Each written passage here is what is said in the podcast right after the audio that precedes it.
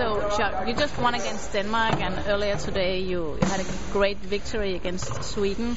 Are you satisfied with the play today?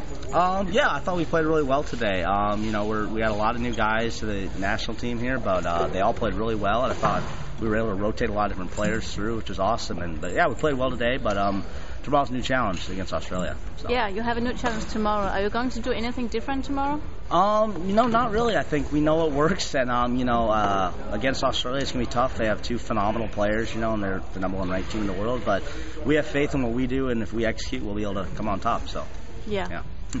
Next year, uh, the World Championship will take place here in this arena. Yes. What do you think about the facilities? I think it's an incredible facility. It's really nice. It's huge. It's spacious. It's wide open, which is really nice. You know, we like big, wide open areas, not like a tight, cramped. It's nice. It's it's a really excellent facility. It's kind of in the middle of nowhere, but it's nice. Nice and quiet.